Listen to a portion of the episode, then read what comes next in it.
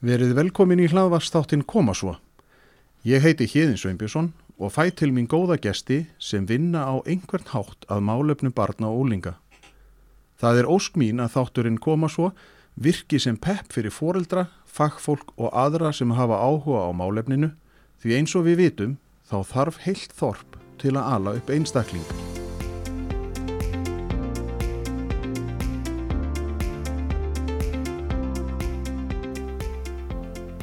Í þessum þætti af koma svo ætlum við að tala um markmiðasetningu og tengja það við mögulegt uppeldi barna og hvernig við getum sett þetta inn í líf þeirra, nú okkar að sjálfura og mögulega hvort að hérna, þetta er eitthvað sem að við erum svolítið léleg í bara við Íslendingar yfir höfuð að setja okkur markmið.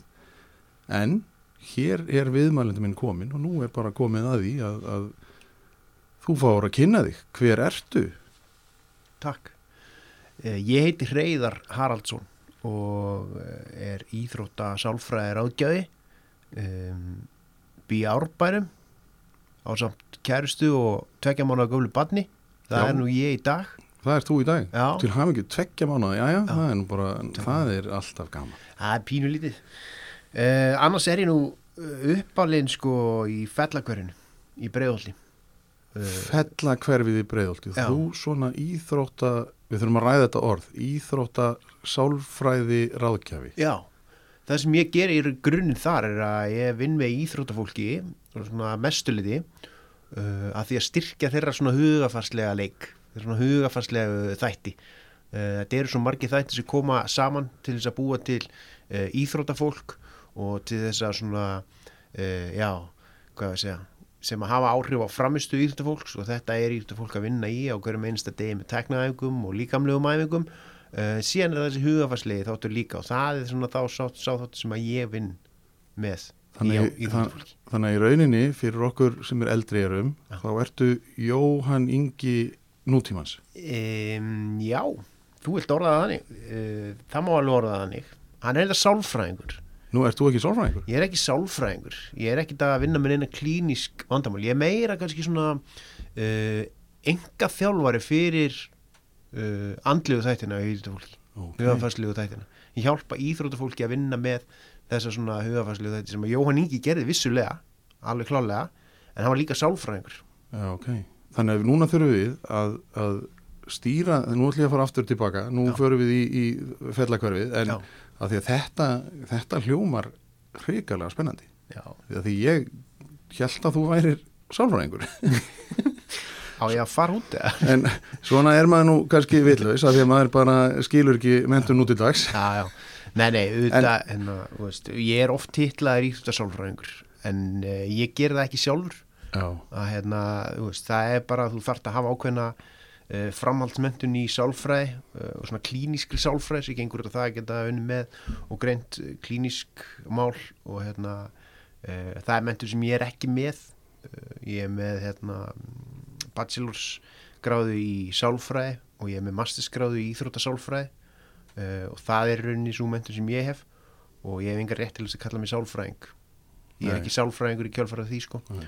Uh, þannig að ég eins og ég segi ég, hérna, ég er ekkit að vinna í neinum svona klíniskum málum veist, ég er ekkit að hjálpa neinum uh, að hérna, vinna bug á stórkurslum kvíða þunglindi eða slíku heldur er ég bara að vinna með íþróttafólki í að gera það betra á íþróttavellunum og hjálpa því að líða betur á íþróttavellunum já, ég hjálpaði vissulega með svona minniháttar framistuðu kvíða veist, bara kvíða sem er tengdu því að fara út á völlin sem er í rauninni bara eðlilegt dæmi, sko um, en íþjóðfólk þarf oft kannski bara svona smá vinnu og smá fræðsli til þess að hjálpa sér að láta þetta vinna með sér skilur uh, og það er það sem ég er að vinna með þetta hljómar mjög spennandi og þá Mhm. verður við að fara aftur í, í upphæfið þekki. Þú, svo, þú nefnir fellakverfið og, og er þetta svona, ef þú segir okkur aðeins frá skólagönguðinni, þú hefur væntalega gengið í þá, ég ætla nú bara að rekna með að það hefur gengið í fellaskóla. Jú, skólaganga náttúrulega hefst í Fellaborg leikskóla, er það ekki? Heyrðu, þú ert náttúrulega á þessum aldri að þú var svo heppin að fá að fara í leikskóla. Já, já og, og hafði það mikil áhrif á þig? Þar hófst mín uh, skólagangi, ég veit ekki um það, uh, bara ég gerir ráð fyrir því. en síðan alltaf, jú, síðan liggur leiðin í, í fellaskóla. Og þar á ég bara frábær ár. Uh, bara mjög góða skólagöngu þar, gekk vel í skóla. Og hérna leið vel í skólanu líka. Uh, þannig að hérna fellaskóli var frábær tími og hérna þarna hafði maður allt til alls bara í nágruninu skilur, uh, íþróttirnar og veslanirnar og allt þetta. Þannig að fellaskóli var uh, mjög góður uh, síðan í kjölfaraða því að þá fer í fjölbrutaskólan í Breiðholti ég sé það, ég hef haldið mig bara svolítið í Breiðholti mín fyrstu ár sko. Já, við erum í mjög svona tryggar ramma í og Þannig að ég- þú, þú hefur ekki upplifað eins og kannski við hín sem að vorum svona fyrir utan fellakvarfið Mm. að, að þetta, þú, þér hefur liðið vel í fellaskóla. Það var ekkert svona, því fe- fellaskóli var kannski, nú er þú hvað, 30 og, ég er 31 já, þannig að við erum að tala um að þá þessum tíma, kannski fyrir 15-16 árum, að þá var mikið í gangi eða hvað. Eða var, það- var Í- það kannski svona fellaskóla? búi, já, var það kannski búi, var, var svona, Ég upplifði það aldrei að það væri eitthvað mikið í gangi í fellaskóla ég, hérna, kannski var ég bara svona þú veist, inn í minni bublu eða eitthvað, ég veit það ekki, ég allavega upplifði bara fellaskóla sem úrskup eðlilegan og venjulegan grunnskóla sko, þetta voru villingar þar eins og allstaðar annar staðar. Uh, en þú veist, bara frábæri kennarar og þú vel hugsað um nefndurar já, þannig það er allavega mínu upplifði Já, en það er, er þetta ekki svolítið líka bara hvernig maður er stemdur sjá, eða svona hvernig maður upplifir þetta. Þú kannski lang, náttúrulega lendir ekki í innan gæðsalapa þessum villingum sem að, að þú nefnir. Nei, ég, hérna, þú veist, átti bara í kúð samstæri við þá og hérna, nei, ég, eins og ég segi, ég, hérna, bara, mín ári í fellskóla voru bara mjög góð og ég hef ekki undan eina kvarta það, sko. Þannig að þú skellir í, í, í fjölbyrti breiðalda þegar það er svona, rammarnir eru öryggir að vera bara í fellakverjunu, Já, ymmit. nafli alheimsins, Já, ég sá enga ástæðu til að sækja uh, mentum mínu neitt lengra, ég menna þetta var bara hendur að geta lappa í skólan. já, Uh, og aftur, bara frábæri ári í fjölbreytskólanum í Breiðholti útskrifa staðan 2007 með Í- og, og, og hvað fél- braut, félagsfræðabraut félagsæður, já. Já. og hérna eh, aftur eins og ég segi bara mjög góð orð í, í fjölbreyti brjóðaldi þetta kannski, ég var ekkit eitthvað brjálaðislega mikið í félagsstarinu hann vandlega í íþróttum með handbólta uh, spilaði handbólta með ír á þessum tíma og hérna þannig að það fór kannski ekkit brjálaðislega mikið fyrir félagsstarfi En varstu, varstu þá að spila eins og svo oft með hérna á þessum aldri þegar maður er í mentarskólum 16, 17, 18, 19 ára að varstu þá komin í meistarflokkin og þetta var farið að verða svolítið svona að þú varst að taka ákvörnum eða semst hafið þið kannski eitthvað svona einhverja möguleika á að, að, koma þið lengra Sko, þegar ég hugsa til, sko, já, þegar ég er í upphafi uh, framhaldsskólans, að þá er ég byrjaður að æfa með meistarflokki. Svo svona setni ár framhaldsskólans, þá var ég byrjaður að spila svona gerðismyndi. Og ég hugsa þegar maður hugsa tilbaka, þá hafði kannski mögulega ég myndi verið meiri heldur en maður gerir sér fyrir þá. Og það er rauninni kannski bara beintengt inn í það sem að ég síðan læri setna meir, íþróttasálfræðina, að ég átta mig bara á því þegar ég fyrir að læra hana núna uh, já, fyrir það er að vera komin hvað, sex ár að hérna, ég hafi farið á misi alveg svakalega stóran þátt af íþróttaþjálun bara hugafarsleik þjálun og andleik þjálun og hérna, þegar ég hugsa tilbaka þá ef að ég hefði fengið þá fræðslu og þá þjálfun sem ég er að veita ungu íþróttfólk í dag þá efast ég ekkit um það að ég geta náð miklu lengra en náði. Skilur, ég spilaði já. meistaraflóksleiki og ég spilaði í efstu dild á Íslandi og allt það. Og hérna og bara veist, átti frábært veist, átti veist, bara fínan feril skilur ég var ekkert eitthvað hérna, stórt nafn eða eitthvað svoleiðis en bara, veist, bara átti var í góðum fíling en þegar ég fer einmitt og læri nú er ég kannski að hoppa svolítið langt fram í tíman ég er fer hann yfir alveg hérna uh, háskólan á Íslandi og allt þetta. En þú náttúrulega, já, það náttúrulega, sagan er bara að þú fóst svo úr fröflutu breiðaldi í háskólan og þá tókstu sálfræðina. Þá fór ég í sálfræði út af því að ég hérna, fengið gríðarlega áhugaverðan hérna, uh, áfanga í FB sálfræði áfanga og hérna, hann eiginlega kveitti áhuga hjá mér ég að fara í sálfræði. Þannig að ég fór í sálfræði að strax bara í kjölfarið af framhaldsskóla tók mér ekki, enga pásu. Og hérna mm, gengur í sálu sem vel uh, námið er kannski ekkit alveg eins og ég hafði búast við. Uh, svona skemmtilegi hluti námið sem var í minni hluta fannst mér. Uh, þetta var ekki alveg það sem ég hafi verið að læra í áfanganum skilur í FB Mhm. heldur voru kannski meira af svona þungum og erfiðum og leiðinlegum áfengum sko um, en ég komst þannig gegnum fyrstu önnina sem að líkur á hérna svona almennu prófi einhverju sem að er svona nokkuð skona síja sem ekkert allir komast í gegnum. Og eftir það þá ákvæði ég að ég gæti ekkert snúið tilbaka þetta væri bara eitthvað er, ég komst í gegnum þetta sem ekkert allir komast í gegnum. Þannig að ég ætla bara að klára þetta nám sem ég gerði og hérna var alveg áhugavert og skemmtilegt. En síðan er það í rauninni þegar að ég uh, en ég í rauninni vissi ekkert eh, svo sem, eh, þú veist, á þessum tíma komin í, í, í háskóla og núna kannski komum við mitt svolítið inn á ungt fólk sko að hérna ungt fólki farið að panika oft svolítið yfir því að hérna, það er komið í framhaldsskóla og veit ekki hvað allir sér í framtíðinni og finnst eins og það sé að verða rosa seint einhvern veginn að ákveða sig sko. Gott ég þeirra að nefna þetta því að, að, að nú er ég náttúrulega með tvíbura sem eru sko átjónara verða átjónara og þegar að, að það var ítt á endertakkan Já, þá var að sækja fram að sko hvað ef ég er að velja Já. vittlaust og, og þetta sko að því að það er náttúrulega munurinn í dag að þú getur valið náttúrulega sko skviljón eða þú veist miljón hluti. Og þetta er bara hvað er rétt og hvað er rámt og, og hví, þú veist maður skilur alveg margt.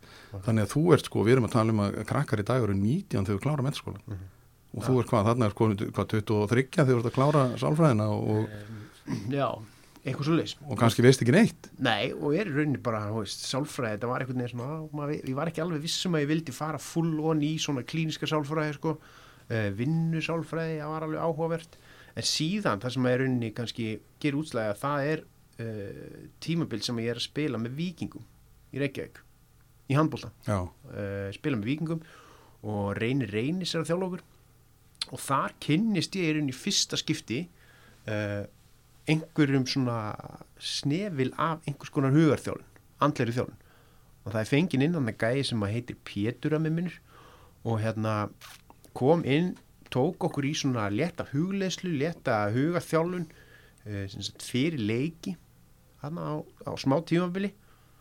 Og áhrifin sem að þetta hafði uh, á mig bara bæði á veljan í leikjum og æfingum og eins líka bara framvistu að það var alveg gíkandist og þarna er rauninni fann ég svolítið herri, þetta er eitthvað sem að mér finnst alveg ótrúlega áhugavert. Ég er náttúrulega var búin að hafa áhuga á íþróttum og var búin að vera bara niður sokkin í íþrótti frá því ég var pínu lítill sko. já þú áttu náttúrulega heima í írheimilinu ekki? Jú, þú veist, eh, átti heima á írheimilinu og leiknisvellinum og allt þetta sko. Og hérna, það var einhvern veginn bara íþróttur höfðu alltaf verið bara áhuga mál nummer eitt og einhvern veginn núna þegar að vinum hans er að rifja upp einhverjar Disney myndir þá veit ég ekki hvað er að tala um sko því að ég horfði ekki á einhverjar bíómyndir eða, eða teiknimyndir sko veist, ég var bara einhvern veginn, hafði miklu meiri áhuga að vera að leika mér í handbólta á baðarbyrgstyrnar eða, eða í fótbolta eða eitthvað slags þannig að þarna einhvern veginn sko, veist, kom saman íþrótt áhugin, handbóltinn og ég fann hvernig sálfræðin einhvern veginn hafiði bein áhrif á bara allt sem ég gerði inn á vellinum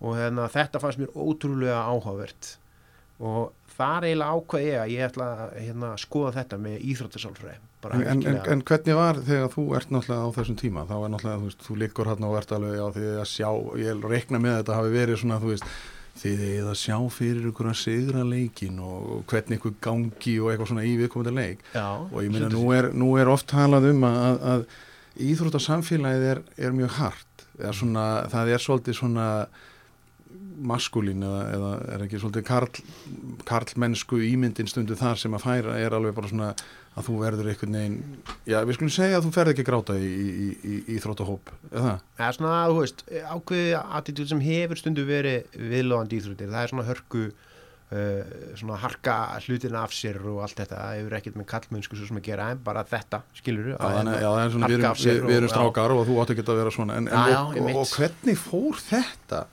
að, hvernig upplifur það að, að þetta fór í, voru allir aðeins sáttir, þú veist, að eininu getur þessu hérna eitthvað svona, einhverju hugsa eitthvað, Uh, pottit ekki allir, það voru pottit ekki allir bránlega lánaði með þetta að vera að verja þarna auka, þú veist, klukkutíma eftir aðeingu í þetta.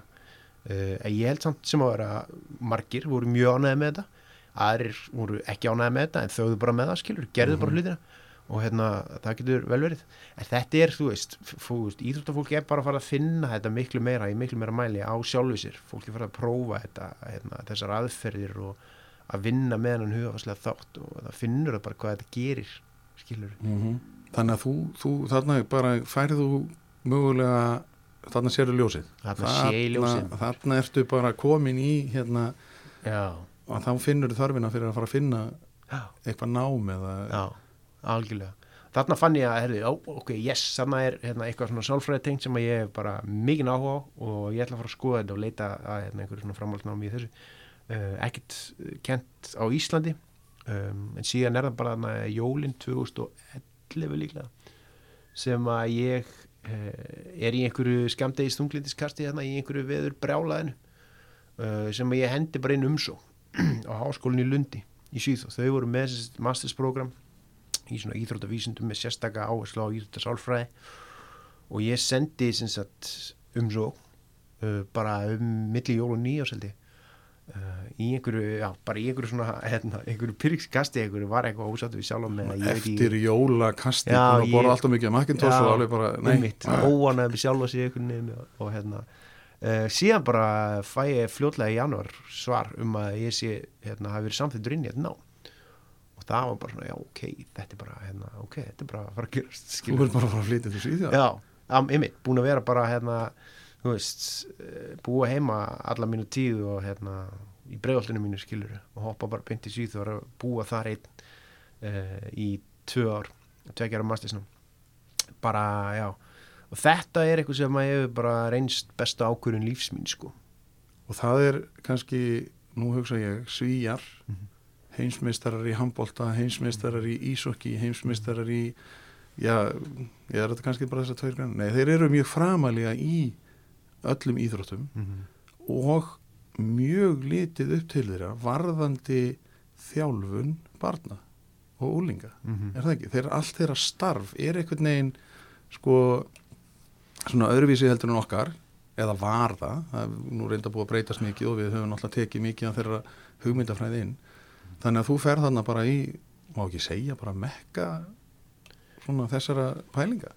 Uh, Jú, ég er svo sem eða þú kannski þekkir það ekki ég frá veit, ég veit það svo sem ekki hvort að þeir séu eitthvað hérna eh, jú, svíjar gera hlutina vel og hérna og bara, ég svíjar, þeir gera nú bara flesta hluti vel. Já, ekki. ég, sko, þeir eru bara með einhvern veginn allt á hreinu finnst mér og, og hérna. En jú, ég fer þann út og læri þetta íþróttasálfræði og hérna bara ótrúlega aftur bara og ég held áfram einhvern veginn heitlast af þessu fæi uh, og held áfram bara spurningamerkin hlaðast upp í á mig bara hvernig stendur því að íþróttamæður sem er búin að æfa handbólta í 20 ár hafði aldrei kynst nokkru í þessa veru sko, hugarþjálun og aldrei kynst nefni aldrei fengið neina fræðslu um hlut eins og sjálfströst eða einbeitingu eða aga eða veist, skipulag eða neitt slíkt eða markmiðarsetningu og hérna búin að æfa handbólt í 20 árum ég fannst bara svona pínlítið eins og ég hefði verið sko, akkurat búin að æfa handbólt í 20 ár eins og ég hefði verið að fá að kynnast núna líkamleiri þjálfun bara, veist, eitthvað sem að maður veist, allir átt að sjá því hversu mikilvæg líkamlega þjálfun er fyrir írtafólk, snerpuþjálfun þólþjálfun, styrtaþjálfun og allt þetta. Að hérna, þú getur ekki dýmyndað það að hafa ekki, þú veist, verið búin að æfa í íþrótti í 20 ár á háu, no, no, no, nokkuð háu leveli að hérna uh, að þú hafi farið einhvern veginn á, á misvið einn af bara stærstu þáttum þjólunarinnar það var það sem ég upplýði þarna með hverjum áfangarnir sem ég tók.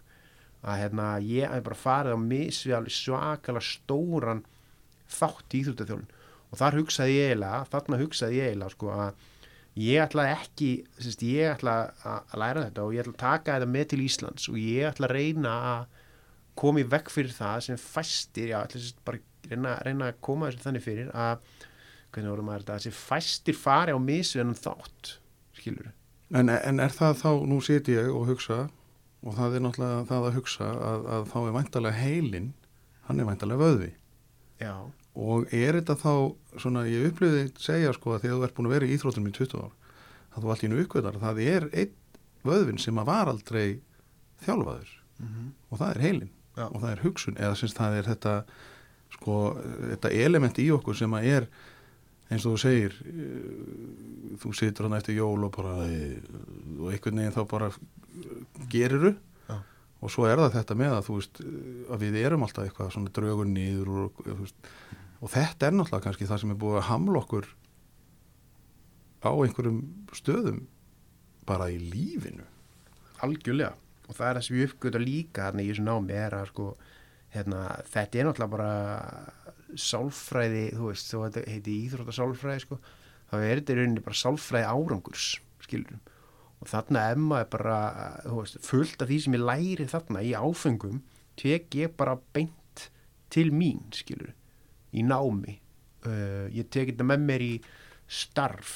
Uh, þú veist, og þarna, þarna er ég í rauninni bara, já, þetta er í rauninni bara sálfræði árangurs, úst, hvað hérna fyndu þína uh, mótiásjón, skilur, hvað er það sem drýfur þig áfram, af hverju ert að gera það sem þú ert að gera, alls konar svona pælingar og hérna, og eins og ég segi, þetta eru hluti sem er ekkit endilega bara tengdir við íþróttir, þú er náttúrulega svona, þó að þetta sé ekki hvað sínilega starf, þá, þá er þetta hluti sem við getum öll nýtt okkur, skilur, ég fór hérna uh, þarna, í, veist, ég hafði aldrei uh, lagt eins mikla rektu líkama minn eins og ég gerði þarna þróttur að hafa verið sko, Í- íþróttamaður já. skilur maður var alltaf einhvern veginn oh, nenni ekki á æfingar og enna, ah, gerði einhvern veginn æfingarnar oft með hálfum huga sko, veist, og bara leiðilegasta sem ég bara veist, vissi það var að fara á hlaupabrett og hlaupa eða fara út að hlaupa.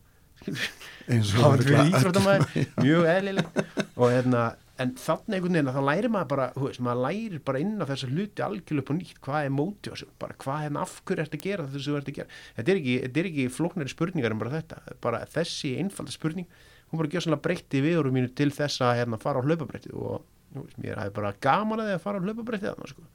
Það er bara, já, eins og ég segi bara ótrúlega hagnýtt uh, þekking sem maður læriði þarna sko. Þannig að þú klárar þá 2013 2014, 2014, þannig að það eru fjögur ár tvö ár sem ég er þarna úti. Já, þannig að núna erum við að, 2014. við erum að tala um fjögur ár.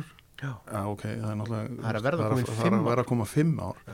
Og, og hvað þegar þú ert þarna úti og svo þú ert búinn hvernig greinur þá? Ert, þú veist, ekki þann að nómið það að þú ert að greina þig því þú þarft náttúrulega væntanlega að taka til í, í þínum eigin heila. Já, hvernig greinur þá bara þjóðina fólkið þitt? Bara, Mhm. þú veist, hvernig þegar þú sast í tímum og varstu þá bara Jésús minn veist, við náttúrulega sáum þetta á olimpíuleikunum þegar við unnum silfrið, hvernig Mhm. sko hvað Óli Stef og veist, hvernig þeir voru og maður var bara heitlaðist af því sem, Mhm. sem bara þjóð Mhm. en, en er þetta eitthvað sem að sko, hvernig, hvernig situr ungur maður bara í svíðu og hugsa bara Jésús minn hvert, hvað ég þarf að gera eitthvað í þessu og hvað, veist, hvað var það svo sem að, þú veist, svo kemur heim og þá bara þú fórst allan ekki að vinna í bónus, það er nokkuð ljóst Nei. en þá þarfstu náttúrulega að fara að kynna svona, þannig að hvernig, sko, hvernig sérðu þið þjóðina, eru við að nota þetta? Uh, ég held að sé, þetta er alltaf breytast ég held að við séum hérna þú veist eh, já, já, ég hef ekki segja við séum á, á, á leiðinni rétt átt. Auðvitað hérna, þú veist, það hefur verið mikil vitundavakningum bara, þú veist andlega heilsu, skilur við náttúrulega erum mikið að tala um unga kallmenn uh, sjálfsýstíðinni þeirra og vanlíðan þeirra og hérna og þú veist, við tölum mikið um þetta mikilvæg þess að við komum fram og spjöllum um tilfinningar okkar og, og opnum á þær og allt þetta. Þannig að við erum, þú veist, þekngin er að aukast og allt þetta. Um, við hins vegar þurfum líka við megum ekki gleyma í þó svo við tölum, við tölum rosalega mikið um það hérna, og það hefur oft verið talað um gamla skólan og þetta harka af sér attitút sem eitthvað núna, þú veist, það hefur verið orðið svolítið svona bara, þú veist full eh, fyllilega neikvætt hlaðið, skilur. Gamli skólinn hann sé bara slæmur skilur, og hérna, það sé eitthvað sem við verðum að reynsa út veist, þetta attitút að harka af sér og allt þetta. Ég held samt sem aður að þú veist, hárrétt, við verðum að hérna, uh, tala um tilfinningar okkar og, og við erum að ala strákan okkar og stelpunar okkar upp þannig að þau séu óhrætt við að tala um hvernig þeir líður. En við megum ekki algjörlega hverfa frá þeim eiginleika geta harka hluti af okkur skilur, það eru bara hlu, sumi hluti sem við þurfum að standa á okkur og sitja í skilur, leiðindi veist Já, þú, við erum að tala um þetta með það sem við eldra fólki köllum um að, að það er búið að pakka einhvern veginn fólk í bómul. Já, og það má ekki sko kannski að nútímin unga, unga fólki í dag má ekki upplifa mótleiti. Mm algjörlega.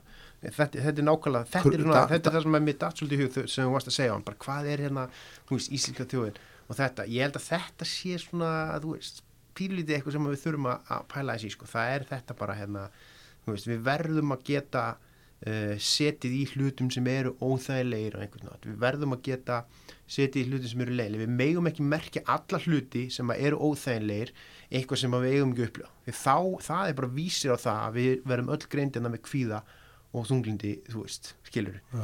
að hérna, þú veist, ef að, ef að hvert einasta moment af einhver svona, svona hérna, þú veist, örlítillu vanlegan eða örlítillu stressi fyrir einhverjum stórum atur sem við erum að fara, þú veist, eiga við, sko, að hérna, það sé eitthvað sem við eigum ekki að upplifa að þá erum við á mjög slemri leið, sko, því það er bara hlutan lífinu, sko, það er bara neikvæðir hlutir, neikvæðir hugsanir og tilfinningar, það er bara mjög stór hluti af lífinu.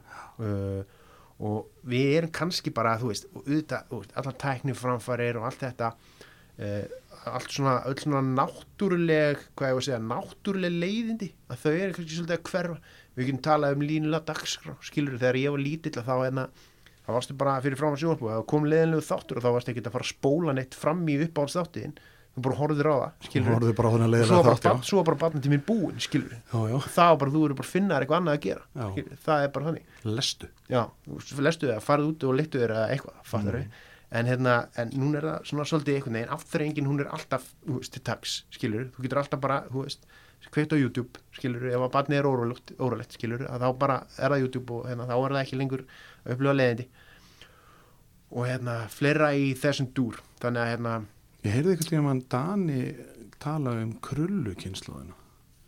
Já, það er þá sem sagt að þú, ef að fólk þekkir til hérna ennsku orðið curling, að þá er þetta á ís að svo eru, þú kastar eitthvað svona þungri steinkúlu eða steinvölu eða hvað þetta er og svo eru tveir fyrir fram sem sópa sko til þess að tryggja það að kúlan fara á réttum hraða eða hvað þetta nú er. Og það er svona, maður horfir á þetta og hugsa já, þannig eru fóreldarnir að sko þurka allt og passa að batni lendi ekki í neinu. Já, og þetta, þú veist, maður verður svona hálf skildi það, mér finnst þetta mjög skemmtilegt orð á sín tíma, þó ég, já. ég held að sé nú samt ekkit allir sem að myndu nú vera sammála því, sko að, að, að foreldra séu kannski að þrýfa eða gera hlutina þannig að batni lendi ekki neinu heldur að það sé tilfelli? Ég veit það ekki, þú veist, ég hérna já, það er rosalega erfitt að segja ég hef alveg upplifað í mínu starfi skilur, uh, fóreldrar sem eru aðeins svo hérna upptegnir að verða börnin sín sko, og hérna bæði ég hef þjálfað handbólta og, og hef einmitt líka verið að hérna unni í þessu sem út frá íþrúta sálfræði ráðgjafa starfinu. Að hérna, þú veist oft eru ég hef, alveg, ég hef upplifað fóreldrar sem eru að taka í rauninni rosalega stórar leksjur lærdomstækifæri af bönnunum sínum með því að, að taka fætið fyrir þau, skilur, með því að taka baráttuna og með því að taka slægina fyrir bönnin sín skilur. Þannig að það vart að tala um ef að börnin eru í samskiptu við önnur börn og það er verið Mhm. svona þau eru að ræða eitthvað hluti og þá koma fóreldrarnir og taka yfir Já, þú veist, auðvitað, ég náttúrulega þekki þetta kannski mest bara úr íþrótta hérna, þú veist, samhyggjun og vondi getur þú kannski svolítið tengt það inn í hérna, samhyggi félagsmyndstöðana eða skólana eða eitthvað svo leis, en bara þetta til dæmis eins og, þú veist, alls konar vonbrið sem að börn geta lendi í, sko, að hérna, við erum ekki valin í lið, skilur, eða einhver, hérna, hugsa núna til, sko, einhver sem er óbúslega efnilegur, e, íþróttin sinni, ógíslega góður, e, en allt í hennu byrjar hann á bekknum í einum leik, og pappin hleypur upp til hand og fóta bara. Hvað er í gangi sko, maður hefur heyrt eina en eina og fleiri en tvær sögur af því að fóreldrar komi bara á varamannabekkin skilur og taki bara bönnin sína, taki þátt í þessu. Ef barnið mitt alltaf að sitja hann á bekknum þá er það bara ekki lægi, skilur. Að hérna, þannig eru bara fóreldrar sem átti sig ekki á því að þarna, þetta er einhver strákur sem að bara eða stelpa uh, fárálega efnileg sem er kannski bara vöðum því að vera alltaf bara í byrjunliðinu að þetta er kannski það besta sem getur gest fyrir framtíð þessa bats að vera sett á bekkin og aðeins að fá að þú veist, vinna fyrir því að koma þessar aftur inn í byrjunliði, vera ekki orðin alltaf upplifa, komfortabl upplifa mótlæti. Já, einmitt, að vera ekki orðin alltaf hérna, þú veist, farin að venjast þægindunum sínum bara vera alltaf í byrjunliðinu og, og allt þetta. En hérna er bara já, fóröldi sem kannski bara átta sig ekki alveg láði að þetta er kannski bara, þú veist að bara, kannski var þetta bara lærnumstækifæri sem þjálfarinn var að veita banninu, skilur, eða krakkanum og hérna, þú veist, það er, það er margt svona sem að já uh, fóreldrar getur kannski verið bara aðeins meðvitur um skilur. og ég meina við tölum um þú veist, hérna í íþróttunum skilur að hérna tala um fóreldra og, og, og allt þetta og við gerum oft svolítið ráð fyrir því bara fóreldra eigi bara að vera með þetta skilur að hérna tala oft um hérna ef það kemur upp eitthvað vandamál og fóreldrar er einhvern veginn svona með eitthvað vandamál tala um eitthvað fóreldra vandamál en sko við erum að horfa á það að íþrótt eithkun þetta er náttúrulega bara samspil þjálfara þetta er samspil yðkendana og þetta er samspil fóreldrana uh, þjálfarar á Íslandi við erum gríðalega heppin með það hérna á Íslandi að þjálfarar eru mjög vel mentaðir mm -hmm. og sækja um mörg námskið það er hérna bara Íslandi hefur vakið aðtikli fyrir það hvað íslenski þjálfarar eru hvað er mikil fagmennska þjálfun á Íslandi á ungum íslenskum hérna, íþjóttuböndum um, þeir fá veist, fræslu og mentun alveg í þaula sem les yfkendunir en það er ekkit svona fyrir fóreldra það er einhvern veginn, það er engin veist, það er ekki þessi fræsla um hlutverk fóreldra, hún er einhvern veginn bara virðist ekki vera mikil til staðar. En, en er það kannski, tengist það líka sko það er oft sem að maður gerir nú grín að því að þú þarfst að fara áður og fær bílpróf þá þarfst að læra því heilt ár áður og fær sko ferði prófið og allt þetta. Mm -hmm. og nú þú sem nýbakaði fadir með tveggjamána gammalt barn sko þú bara situr með þetta kríli í höndunum og bara og hvað er svo? Mm -hmm. og þá bara gera einhvern veginn allir ráð fyrir að það mm -hmm. en er maður alveg tilbúin kann maður, þú veist, er fyrsta barn sko það er oft svona þetta með ef það eru þrjú barn Mhm. að þá er miðjubarnið alltaf einhvern veginn svona veist, fær svona yfirleitt einhvern veginn svona korkin ég uppli, upplifunina sko að, að það er sko að þá ertu að, að alveg fyrsta barnið og þá svo kemur barn nummið tvö og þá segir fyrsta barnið byrju, aldrei fekk ég þetta Já. en þá er það kannski að því að fóreldarnir er búin að læra þetta Mhm. farðir að slaka á og vita betur Mhm. Já, og það er náttúrulega eins og með jújú, ég hef verið að þjálfa í, í, íþróttum og stundu þá er maður bara, heyrðu, slækið nú aðeins á fóreldrar. Þetta er sko, þetta er ekki spurningum lífið, þetta er spurningum að vera með eða Mhm. þessi mantra sem hann alltaf var mikil kynnt að það er gaman að taka þátt Mhm. og, og svona þessar sko 10-0 skiptir ekki miklu máli eða það er frekar heldur hvernig við hefur að, og sko gleðin Mhm. við að vera inn á vellinum Já. og sjá glöðu andlitin. Auðvitað, þú veist, já, hérna, auðvitað, hérna, reynum maður að fræðast skiluru og hérna, þú veist, talar um, hérna, tekja mánabandi mitt, auðvitað er maður búin að vera að að læra, hérna, lesa hluti og, og allt þetta, en þú veist, næsti lærdómun kemur bara því að vera í hlutverkinu. En það sem ég á við kannski með þetta, þetta, þetta íþrótta, hérna, samhengi, sko, að, hérna, veist, að það er kannski eru fóröldrar bara pínulítið að gleymast í þessu, veist, að þeim sé svolítið kent sitt hlutverk veist, það er bara svolítið gert ráð fyrir því að þau þekki sitt hlutverk og viti hvert sitt hlutverk er. Um, en það er bara þannig, ég meina fullt af fóreldurum hafa aldrei eftir íþrótti sjálf skilur, Já, hafa aldrei já. verið eitthvað endilega í hérna, þú veist, í íþrótta hérna, tekið eitt þátt í íþrótta samfélaginu, skilur, en eru íþrótta fóreldrar samt sem áður. Og það er ekkert að gera ráð fyrir því að þessi fóreldrar viti að hérna að þú átt ekki að vera eitthvað að spjalla við barni eitt á meðan það er æfing, skilur Mm kannski vita fóreldrar þetta bara ekkit eh, eða þú átt ekki að vera að hérna, koma einhverjum hérna, taktískum skilabóðum til hérna, yfkandæðis eða bassinsins eða þjálfarans eða eitthvað á meðan það er leikur í gangi. Kannski vita fóreldrar þetta bara ekkit En, en er þetta ekki líka hlutur sem að, að, að er líka nýtt svona fyrir að því að, að fyrir x mörgum árin þegar maður var í þessu sjálfur að þá fór maður eitt með 30 manna hóp á pæjumóti í Vestmanniðum þú veist, í dag væri þetta bara óhugsandlegt þú veist, að í dag er alveg fóreldarnir að taka þátt og þú ert á með á hverju einustu æfingu og þú ert búin að sjá sömu æfingarnar miljónsinnum og einhvern veginn alltaf brosur á hlýðalínunni en kannski gerir ekki grein fyrir hvað þið verið að gera þessi endutekning, þú veist, þú náttúrulega læri mest á endutekningum að, að, að sko og það er þegar maður hugsa sem tilbaka og náttúrulega væntalega fyrir því líka núna að, að þetta sko foreldra handbókin. Hún væri öruglega sko 700 bindi með 600 blaðsíðum sko hver bók. Mm. af því að það er bara miljón hlutir þú veist, þegar krakkandi mínu byrjuði í skóla svo komum við átt að fara að hjálpa við starffræði þetta var bara eins og latína þegar ég sá þetta. Ég var bara, byrju, hvað kom fyrir starffræðina þetta var sko ekki svona þegar ég var í skóla. Mm. en á endanum þá eru 2 plus 2 alltaf fjórir. Mm.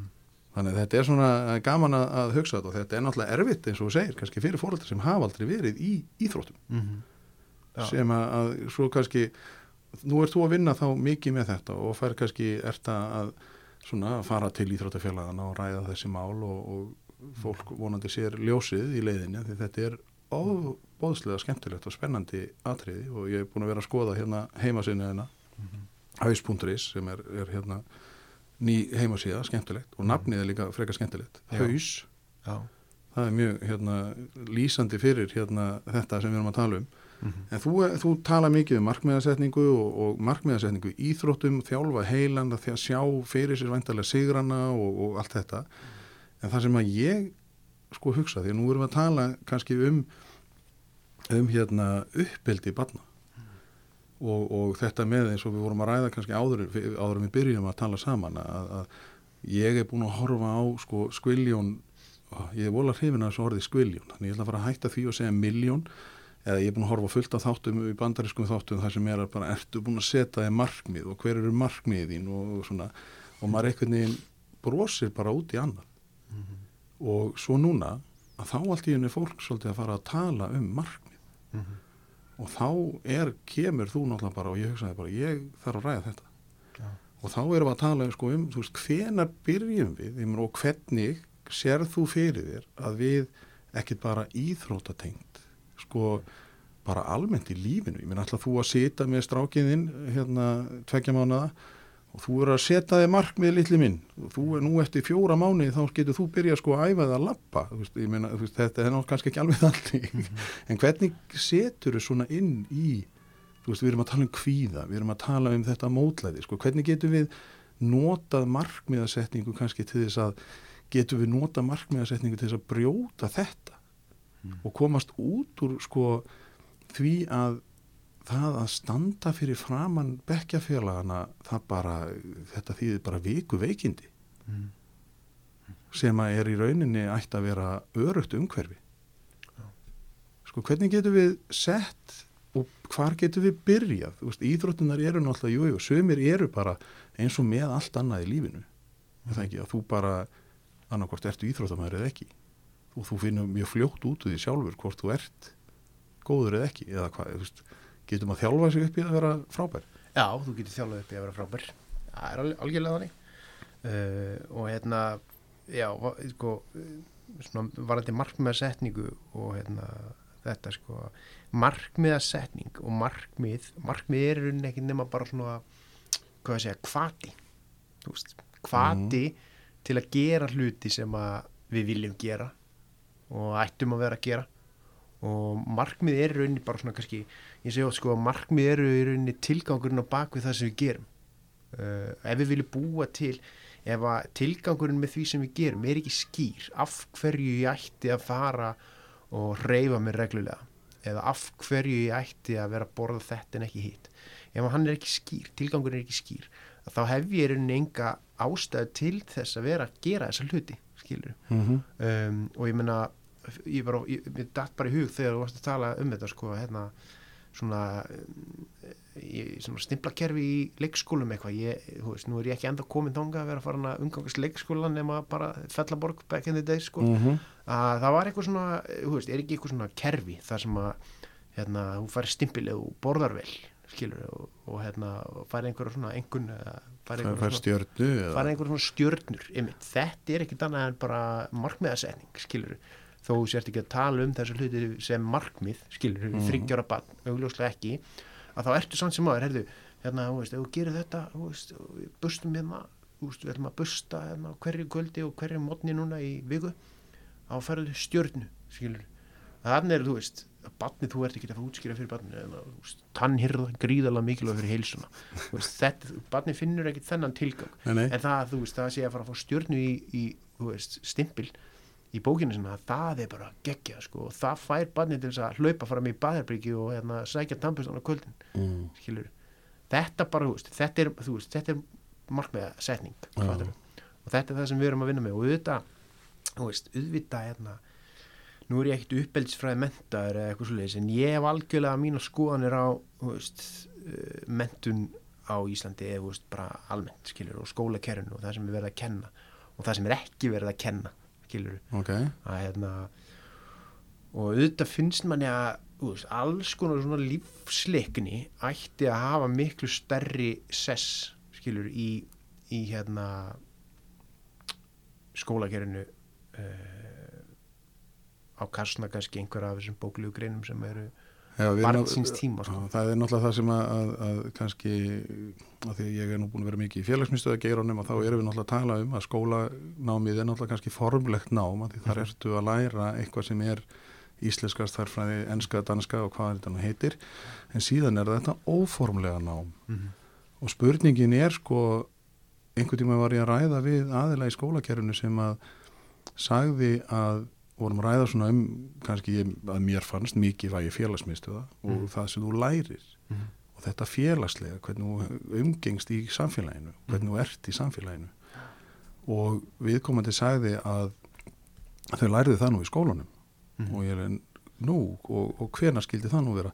Jú, það er eins og núna þegar það er hátegislega Mm. standa í röð og þá býða eftir matnum borða og þetta eru 20 mínútur eða 30 mínútur og ég var svona þetta, ég var bara svona eiginlega fór að hugsa veitu, hvað erum við stödd?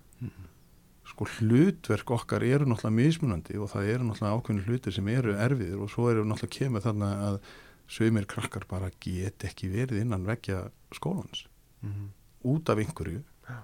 og eru við þá í stakk búin að segja semst, afskrifum við börnin Mhm.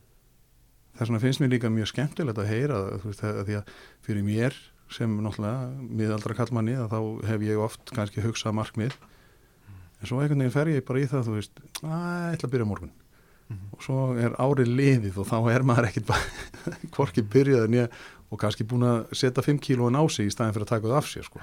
af því að maður er einhvern veginn svo maður á gamli á svona íslensku maður lúfar fyrir sjálfum af því að maður er svo aumingjagóður við sjálfa sig því að, að, að já, svo bakt og, og talandi um að því ég var að koma inn og fór að kaupa veitingar að þá alveg einu sem dættu hugum var nammi.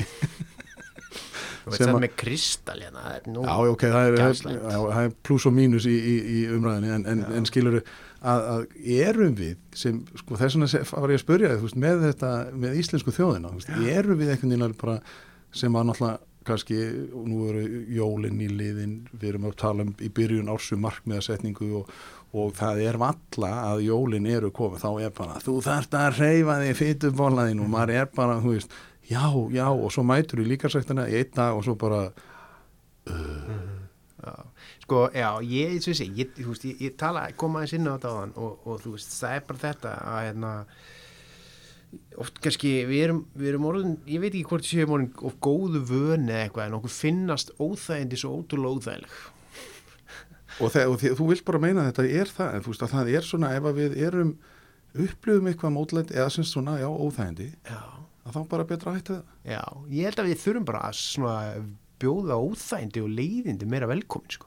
Já, veist, því bara bara- finnast það bara í góðulegi að verja hálf tíma á dag í það að vera bara, veist, virkilega að láta hjarta pumpa, sko.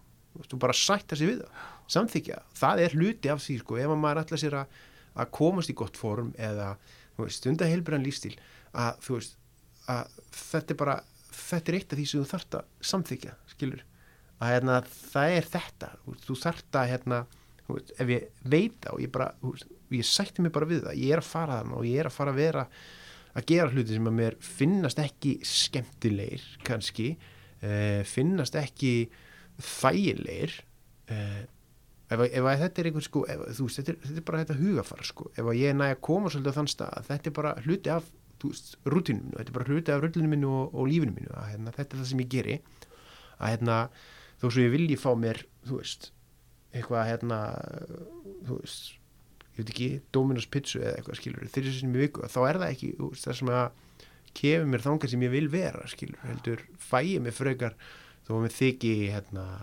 græmiti súpa ekki eitthvað frábærlega góð eða þú veist, fiskur eða eitthvað skilur, þá er það bara það er það sem ég þarf að gera þetta er skulum ekki ræða kartöflur? Nú. hvort að það séu góðar eða ekki? Já, já, en það er hérna, ok, en þetta er svona þannig að við erum að tala svolítið um já, ég upplifið það að við séum að tala svona um sama hlutin og nú komum við kannski að þú veist, þá markmiða setningunni. Að, að sko, og ég veit að þú ætti öruglega að sko, við erum búin að tala lengi saman. En, en hérna, sko, hvernig byrja maður? Hvað, hvað er, sko ef að, ef að við erum að tala um um einhvern sem er hann úti sem að er, það er eitthvað svona þú veist að því ég er svolítið að ganga út frá uppbyldinu eða þú veist að þú ert með eitthvað krakka sem að, er eitthvað að ströggla eða þú veist, hvernig, hvernig getum við sko kveikt áhuga? Hvað, sko, er eitthvað gullrót er, þú veist að því þú ert að tala um eins og í leikskólanum og þá er, þú veist, ef þú borðar þetta alla dagana, þá færið að fara á bókasafnið sem að ég manna það var alveg, krökkum fannst það nú geðvikt þegar maður var hérna einu sinni að, það var eitthvað velun. Og veist, erum við að gera rétt með velunum sem er náttúrulega kannski umræðið í einhvern allt annan þátt.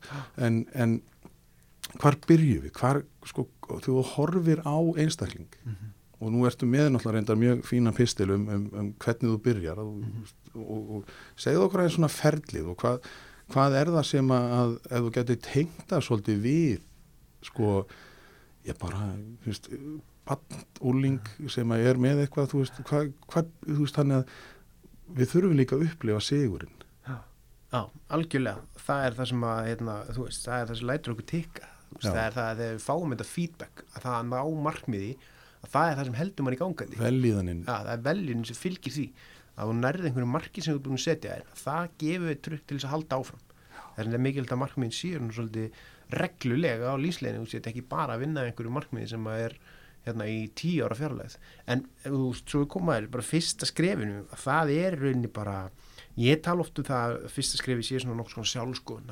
Þannig er ég að tala kannski svolítið um markmiðarsetningunum svolítið almennt skilur og í, í samvík íþróttina það er þessi sjálfskoðun og viti bara svolítið hver þú ert og áttir þið á því hver þú ert áttir þið á þínum veikleikum og þínum styrkleikum. Allir hafa sína veikleika og allir hafa sína styrkleika. Að þú gangir svolítið að sjálfum þér eins og þú ert þegar þú ert komið þessa mynd svolítið skýra uh, að þá þurfum við líka svolítið að pæli ok, hvað, hvað er það sem hvert vil þið komast? Hvað er það sem lætu þið tikka? Og þannig erum við kannski komið svolítið inn í, inn í það sem þú varst að tala um með börn og úlinga og þetta börn sem eru að ströggla á einhvern nátt og passa ekki inn í kerfið að hérna, þú veist, hvað er það sem að hvað viltu verða í framtíðinni skilur, þetta er þessi spurning sem allir fá skilur, hérna, og allir kannast við hvað allar verða þú verður stór, þetta er svo, þetta er svo geggi spurning og þetta er það sem við eigum að, teka svolítið inn á veist, að hérna eh, vinna svolítið með þessa spurningu og, og, og hjálpa börnum að hérna, ok, þú ert ekki að fara að verða slökkvílismæður, skilur á hérna, þú veist þú, þú ert ekki að fara að hérna, en þú getur byrjað á að hu- hugsa þér, ok, hérna, fyndu hérna, lestu einhverjar tvær fréttir um eitthvað slökkvílistarf skilur, sem að var, skilur, í gangi. Lestu fyndu tvær, þrjár fréttir um, um hérna, slökkvílistarf þá ertu aðeins múin að kynnast starfinu kannski þú veist, þú ert komin aðeins nærið að vera slökkvílismæður heldur en þú varst fyrir viku síðan, fattar við að hérna, þó að við kannski fullan fólki við vitum það að einstaklingurinn er ekkit orðin hérna, komin nærði að vera slökkvílismæður þá er það samt sem áður, við getum sett þetta þannig upp. Þú ert örgulega fróðar um starfi það er fyrsta skrifi sem þú getur gert þegar þú ert lítill skilur og pælda aðeins í, fyndu eitthvað lesefni og hérna frættu um, það. Uh, síðan getum við þú veist, tekið einhverjar svona æfingar þú veist, sem að slökkulisfólk þarf að kunna þú veist, klífi köðlum eða eitthvað. Og hérna, þú veist, fyndu hvað verður snöggur að klífa upp kaðalinn eða, eða hversu langt kemstu í kaðalinn eða eitthvað, reynum að finna svolítið hvað fær börnin til að tekka en ekki bara að hérna, þú veist, þetta er það sem þú átt að, átt að vera í, skilur og hérna, lærðu um hérna berglögin, skilur, í íslenskum hérna, Já, íslenskum það er berglögin, að því þú nefnir geimfaran. Já, að það ekki, í staðin fyrir að segja já, neini, þú verður aldrei geimfari. Já. að, að það er bara hvað þarf til að vera geimfari. Ef fólk verður geimfarar. Já, og, og það er ekkert, sko, þarf að vera stjörnufræðingur? Eða, sko, getur bara verið, ég minna núna hafa verið alls konar fólk sem hefur farið í Já, já. geimflögur sem er náttúrulega bara brjálaðislega skemmtilegt að fylgjast með, en það er ekkert allir og, og svona, þannig að þú þarf náttúrulega kannski að vita svolítið en, en þú ræðir um sem sagt þetta að, að, að hver er ég? Svo, svo fyndi, sko, ég fekk alltaf einu svona mynd þú varst að segja svo með íþróttunar að það er oft þannig að krakkar einhvern veginn það ætla allir í fótbolta. Að því að fótboltin er svona og það er einhvern veginn finnst hér sem svona handboltagaur því að þú varst nú ekki mikið í fótbolta eða hvað? Jú, ég var, var ég ekki fókbalta, ég var í pressulið sjálfmótis 97 kall minn. Ó, fyrirgjöð, fyrirgjöð, ég eh, bara byrst alveg afsekunar og, Já, og, þú skalt ekki taka- Nei, nei, ég tek þetta ekki Skalt ekki taka Þú það varst frá í mér. pressuliðinu í á 97 sjálfmótinu sko, já. 97. Já. Nei, ég, þú veist, ég byrjaði náttúrulega bara í handbólt út af því að hérna, bróðum minn var í handbólta og allt þetta. Uh, en síðan í, í skólanum, fellaskóla, voru allir í fókbalta. Þannig að á Nei, mér fannst alls ekki leiðilegt í fókbalta. En þeim, sko, þú þetta er, þetta er svona sko, er ströymurinn þangað eða er Mm. sko að því að uh, við uppgötum fljótlega að jú, jú, strákurinn okkar fór að fótbolta einhver og svoleiðis, en hann einhvern veginn allt í hennu kom og segi mér langar eiginlega meira verið Kanada það er rosalega, ég held að það sé rosalega mikil að við leifum bönnum að explóra sko. En eru við nóg góð Íslendingar að bjóða þeim og eru íþróttafélagin búin að taka það til sín að svona brjóta þetta nýður og leifa þeim að prófa eða er þetta bara innan félags baróta að við þurfum að vera með þú veist að fótbolta deildirnar bara þú veist taka alla til sín og það er bara þú veist við þurfum að hafa sem flesta Nei, ég held að það sé að breytist, ég held að íþróttarhengi sé að vera miklu, veist, allir að vera miklu meðvitað um það, þetta er bara samstagsverkefni, þetta er ekki keppni um íþkendur, ég meina, ég er til dæmis er með frábært verkefni í gangi þar sem að þú getur rauninni bara, þú borgar eitt, ég held þessu ennþá með þetta í gangi, þar sem þú borgar bara eitt árgjald og þú farið að fara á æfingar í öllum deildum, skilur. Þú getur farið á fótboltaæfingu þegar að, þú vilt fara á fótboltaæfingu, svo handboltaæfingu, körbóltaæfingu og þú veist, fimmleikaæfingu, nei, hérna, frálstýrtaæfingu eða, hvernig það er frábært konsept. Já, þannig að hérna, þetta er rosalega mikilvægt og þetta er eitthvað sem maður var ekki hérna, þú veist, ég var einmitt að tala um þetta um, um daginn að hérna, þetta er eitthvað sem ég upplýði ekki þegar ég var lítill að bara þetta mal þú veist, auðvitað hérna auðvitað vissum maður að fótbolta og handbolta en það var ekkit verið að óta að manni kannski öðrum valkostum það er kannski hérna eitthvað sem að maður sér pínu eftir sko. Að hérna, að, hérna það var ekkit verið að segja manni frá þú veist, bámítóni eða körfubolta. Eða pílu. Eða pílu. Það er líka svona, það er það er heitt. En þú veist þetta, ég held að það sé bara rosalega mikilt að við að hérna, fóreldrar hjálpi hérna, bönnum sínum að halda og hafa opinn hug sko, að þau er ekki hérna, ég ekki að fara einhverja eina ákveðin eftir því að vinninni fara ángað, þú getur bara En, en, en hræðsla sko oft upplýðum að þessum krakki og ég veit að krakka gera það líka í dag að það er náttúrulega ef þú ert ekki í þessu þá ertu þá er eitthvað aðir eða sem sagt ekki í þannig sko að, að þú ert svolítið eða þú ert ekki í fótbolta hópnum sko þá svona verður þau fyrir utan. Sko þessi hræðsla við hvernig sko, gætu við losna við þetta að þú ert ekki sko svona ef þú ert ekki í einu að þá ertu einhvern veginn útilokaður. Sem að kannski, jú, maður heyrir alveg af því að, að sko ef að þú ert náttúrulega ég minna það er bara þannig að það er ekkit allir fættir fótbolta eða knaspunuminn eða konur eða að það er ekkit allir sem geta greipið bolta eða hvað það nú er en svo allt í hennu bara kemur heyrðu, pílukast, þetta er bara auga og hendur eru bara að virka hérna rosalega vel saman eða keil Já, ég meina þetta bara ég, þú veist, kemur þetta ekki bara niður á þetta sem við vorum að ræða um án en að, þú veist, andlegan styrk og bara byggja það fljóðlega upp, byrja að hérna, byggja upp andlegan styrk í böðurum okkar. Sjálfstæði, þetta.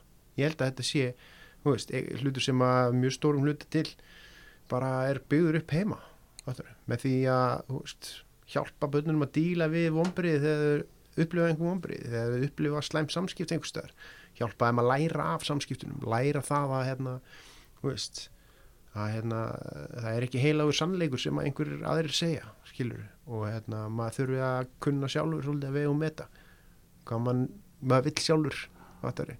ég held að þetta sé uh, þú veist, svolítið kannski leiðin til að fara eða hvað. Já, en er, en er sérðu fyrir þér sko, hérna, þetta er nú kannski, ég hugsa um strax bara, já, þá þurfa fóreldrarlega að setja sér markmið mið að kenna þeim að verða sjálfstæðir einstaklingar. Og, og hvernig gerur það, jú, þú blandaðir væntanlega ekki of mikið inn í þeirra svona baróttu án þess að vera einhvern tíman las ég að maður þarf að, spu- það er, er ásöku afleðing á öllu.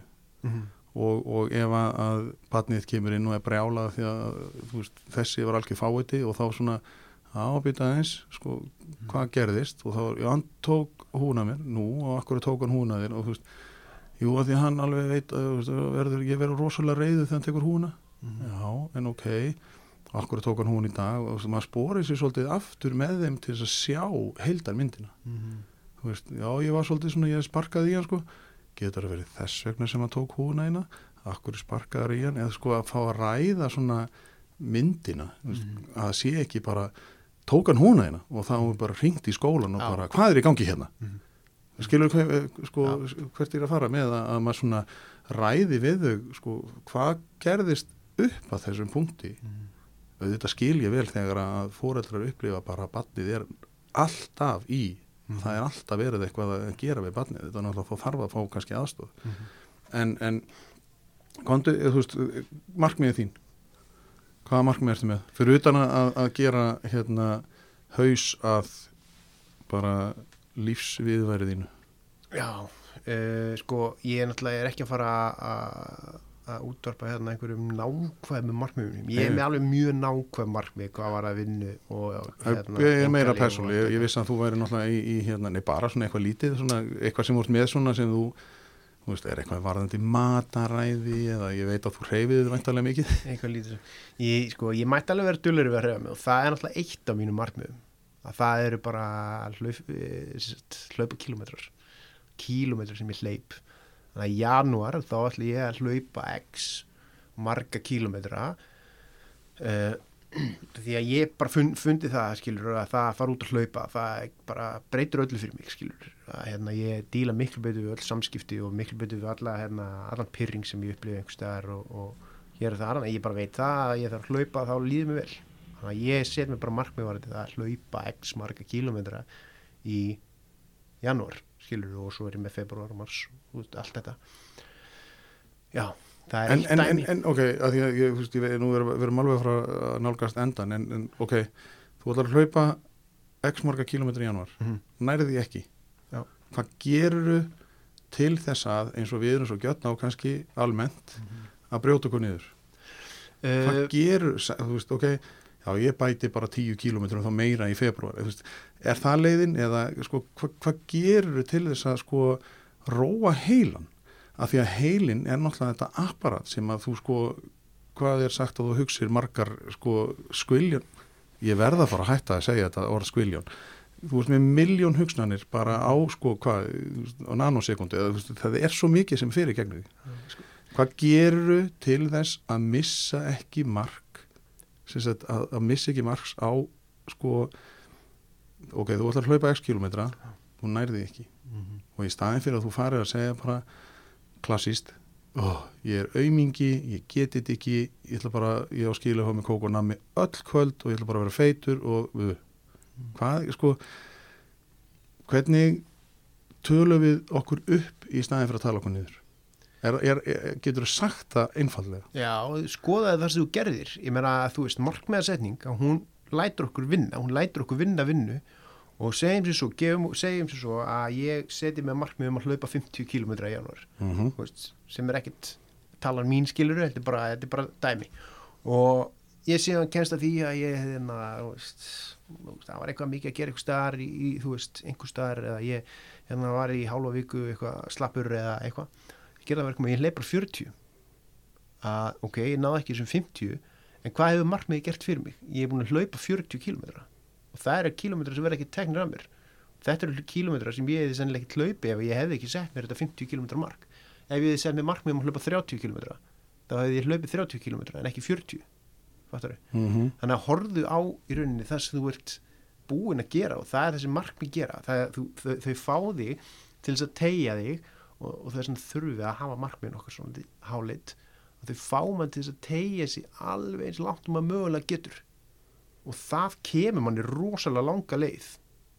Þó að maður nái kannski ekki akkurat markmiðinu þó að eitthvað vanti upp á að þá hefur markmiðið samt sem að kofi manni rosalega langa leið og maður verður að horfa á það. En þú verður náttúrulega samt sem áður að hafa þig þannig að, að ég meina þú segir ekki við þú ætlar að fara að hlaupa 100.000 km Nei, þú verður að trúa eða þú getur náða markmiðinu. En ekki mánuði, eða skilu, það verður að vera þá innan einhverja svona marka, þú veist, þú, þú hleypur náttúrulega bara excess mikið á hvernig degi Já, þú verður, þú veist, þú, það, þú markmiði verður bara að vera innan þeirra, þeirra marka að þú trúir því, þú verður að trúa því að þú getur hlaupið, ef þú sittur þig markmið þá trúir því að þú getur hlaupið 100 km á mánuði að þá, þú veist, sem að fullta fólki gerir skilur að hérna þú trúir því að þú getur að þá er það ekki, þú veist, þá er það bara markmið sem er í góðu lagi það er kannski frábært að hugsa að við sitjum hérna á borgarsafninni í tryggugötunni í grófinni Já, að, að bor, bókarsafnin eru með hérna, lestrar átök og, og gaman að sjá sko, hvað, hvað það örvar að, að, að lestur bóka. Uh -huh. hvað er skemmtilegt sko, veist, þau setja sér markmið, ég ætla að lesa tíu bækur. Frábært. Svo endaði að lesa 15-20 þú veist, maður er bara svona, wow, þetta er geggjað sko, þannig að, að þetta er bara markmiðin í lokin að markmiðin eru tegja, eða svona að þú getur teikt þig en þú, þau eru samt innan þeirra marka að þú verður ekki byrjar ekki að tala þig niður. Þú veist að það að þú setur þér eðlileg eða svona 50 km hvernig, hvað sagði þú notaðir góð orð að, að þetta er svona tegjanlegt og þú nærð að það er svona innan seilingar.